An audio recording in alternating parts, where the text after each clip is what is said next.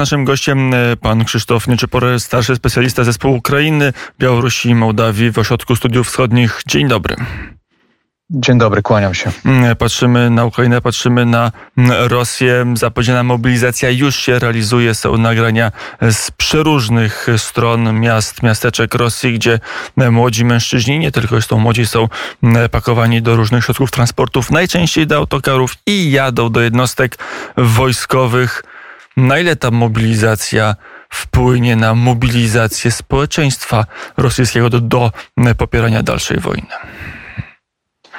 No to jest ciekawe pytanie, e, na ile rzeczywiście ta mobilizacja ma um, charakter e, wojskowy, to znaczy um, takiego polepszenia sytuacji na froncie rosyjsko-ukraińskim, na ile jest to rzeczywiste wsparcie militarne, które ma pomóc armii rosyjskiej no, na to, żeby odwrócić e, losy tego konfliktu, bo jak wiemy od dwóch, trzech tygodni tuż po tej kontrofensywie w obwodzie charkowskim mamy do czynienia no, z pewnymi nie tylko wizerunkowymi i politycznymi, ale przede wszystkim właśnie wojskowymi porażkami Federacji Rosyjskiej.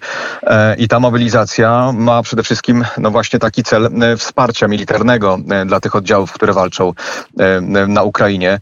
Ale zwróciłbym raczej uwagę także na ten aspekt właśnie polityczny, bo ta mobilizacja ona została ogłoszona w takim, można powiedzieć, pakiecie, bo obok tej, obok ogłoszenia tej częściowej mobilizacji mieliśmy również do czynienia no, z ogłoszeniem, obwieszczeniem właściwie przeprowadzania referendów na na tych terenach okupowanych, zajętych, kontrolowanych przez, przez Moskwę na Ukrainie. Dostrzegam tutaj pewien taki aspekt próby zastraszenia, przede wszystkim e, Zachodu, właśnie tym faktem, e, że przeprowadzenie tego referendum będzie de facto oznaczało włączenie tych, tych obszarów do Federacji Rosyjskiej.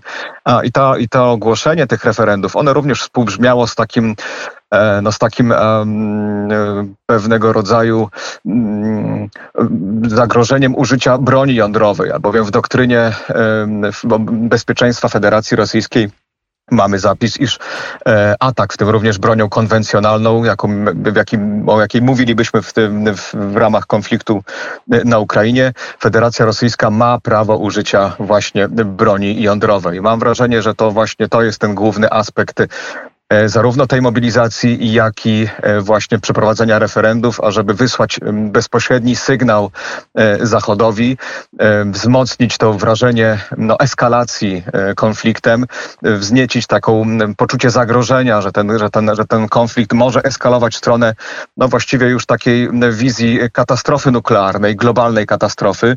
No i w związku z tym zmusić Ukrainę, Ukrainę poprzez nacisk państw zachodnich do tego, żeby przystąpiła do negocjacji, e, zmusić społeczeństwa europejskie do tego, żeby naciskały na własne władze, żeby ten konflikt doprowadzić do, do rozwiązania pokojowego, zmusić Ukrainę do przystąpienia do stołu negocjacyjnego, I pogodzić się z tymi warunkami rosyjskimi. Tak na rzecz rosyjską. A jak to, to właśnie strona ukraińska reaguje, ukraińskie społeczeństwo i też elity e, władzy. Jest tak, że pojawia się taki niepokój, może odłóżmy jeszcze na sekundę na bok tą groźbę wojny nuklearnej, e, taka obawa przed tą samą mobilizacją, że nagle na froncie pojawi się ileś set tysięcy, dwieście, trzysta tysięcy nowych żołnierzy, którzy, którzy zaleją wojska ukraińskie. Jak ta mobilizacja jest odczytywana pod względem militarnym przez stronę ukraińską? Nie, obserwując y, zarówno wypowiedzi ukraińskich polityków, w tym y, prezydenta Załańskiego, ale również y, komentarze ekspertów, obserwatorów sceny politycznej na Ukrainie, no możemy stwierdzić, że no, ta mobilizacja, te zapowiedzi wzmocnienia mm, wojskowego armii rosyjskiej, one nie, nie wywołały żadnego efektu e, w, ukraińskim społeczeństwie. E, nawet bym powiedział, że jest, dominują takie nastroje lekceważenia, no wręcz humorystycznego opisywania tej mobilizacji. No, no, musimy zwrócić uwagę, że nawet jeśli, jeśli ta mobilizacja ona dojdzie do skutku, to znaczy uda się zrekrutować te dodatkowe 300 tysięcy zapowiedziane przez ministra Szojgu rezerwistów, no to one będą gotowe do przystąpienia przystąpienia do, do wojny dopiero gdzieś za dwa, trzy miesiące po, po przeszkoleniu i po odpowiednim zwerbowaniu, e, no wówczas będzie, będziemy mieli już do czynienia no, z aurą zimową, która zapewne nie sprzyjać będzie prowadzeniu dalszych ofensyw przez armię rosyjską. No zresztą w, ukraińskim, w ukraińskich komentarzach przeważa taka opinia, że to jest raczej mobilizacja, która ma przeczekać właśnie do czasu, do czasu sezonu zimowego, to znaczy do tego momentu, w którym no, te surowce energetyczne, które zostały wstrzymane, przesył których został wstrzymany przez Rosję do Europy, ma właśnie od, odgrywać rolę e, nacisku wobec e, społeczeństw europejskich.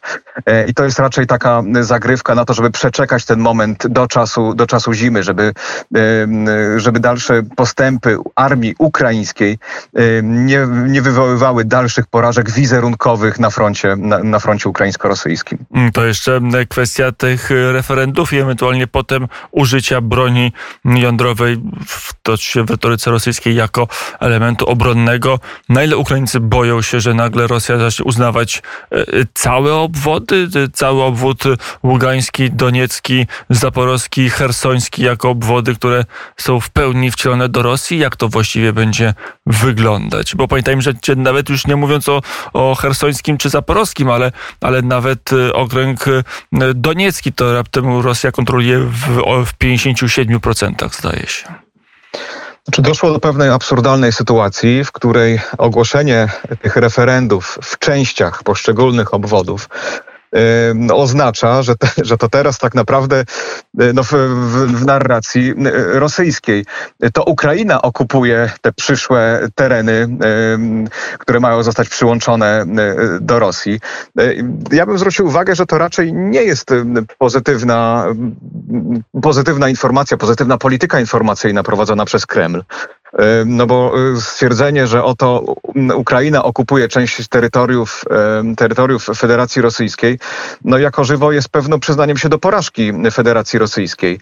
E, to jest próba ratowania twarzy, mam wrażenie, po, tej, po tym blamarzu, przede wszystkim wojskowym, ale również w sensie wizerunkowym, politycznym dla Kremla, po, mam na myśli kontrofensywę w, obwodzie charkowskim. To rzeczywiście był problem, w jaki sposób e, tą informację, no, w jaki sposób społeczeństwo rosyjskie powiadomić o tych porażkach, w jaki sposób im wytłumaczyć, objaśnić tą, tą sytuację. I mam wrażenie, że zarówno ta mobilizacja, to częściowa mobilizacja, ale również te referenda, one mają na celu przykrycie, przynajmniej zajęcie w tym momencie um, widzów wieczornych wiadomości w rosyjskiej telewizji innymi tematami niż te, które, które jeszcze się pojawiały tydzień temu, a mianowicie na temat klęski rosyjskiej armii na froncie na Ukrainie. Mm, teraz będą referenda, przynajmniej od 27 7 września, potem będą wyniki, to będzie o czym mniej więcej mówić. Czy do tego czasu jest w ogóle jakaś przewidywana kolejna skuteczna kontrofensywa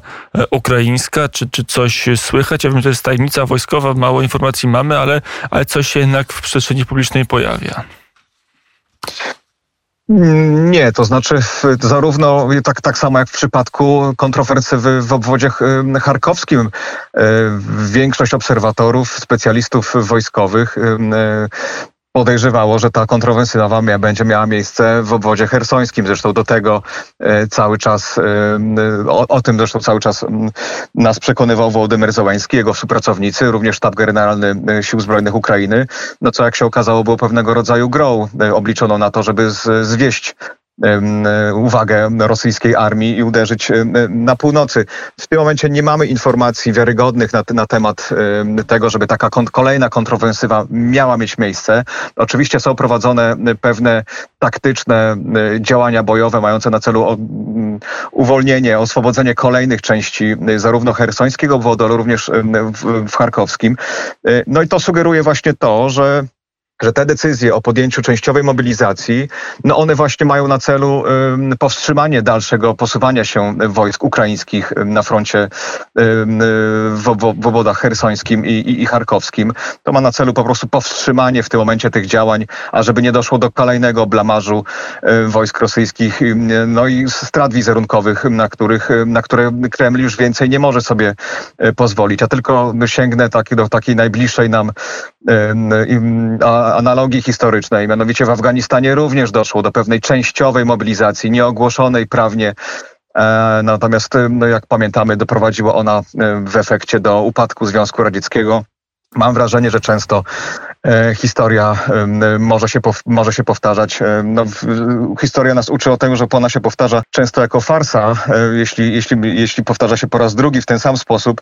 No ale tym, jeśli chodzi o Władimira Putina i jego reżim, no to mam wrażenie, że jakkolwiek on skończy, no to powinno się to odbyć jak najszybciej i w sposób jak najbardziej dla niego nieprzyjemny. Powiedział Krzysztof Nieczypur, analityk Ośrodka Studiów Wschodnich. Dziękuję bardzo za rozmowę. Dziękuję, kłaniam się.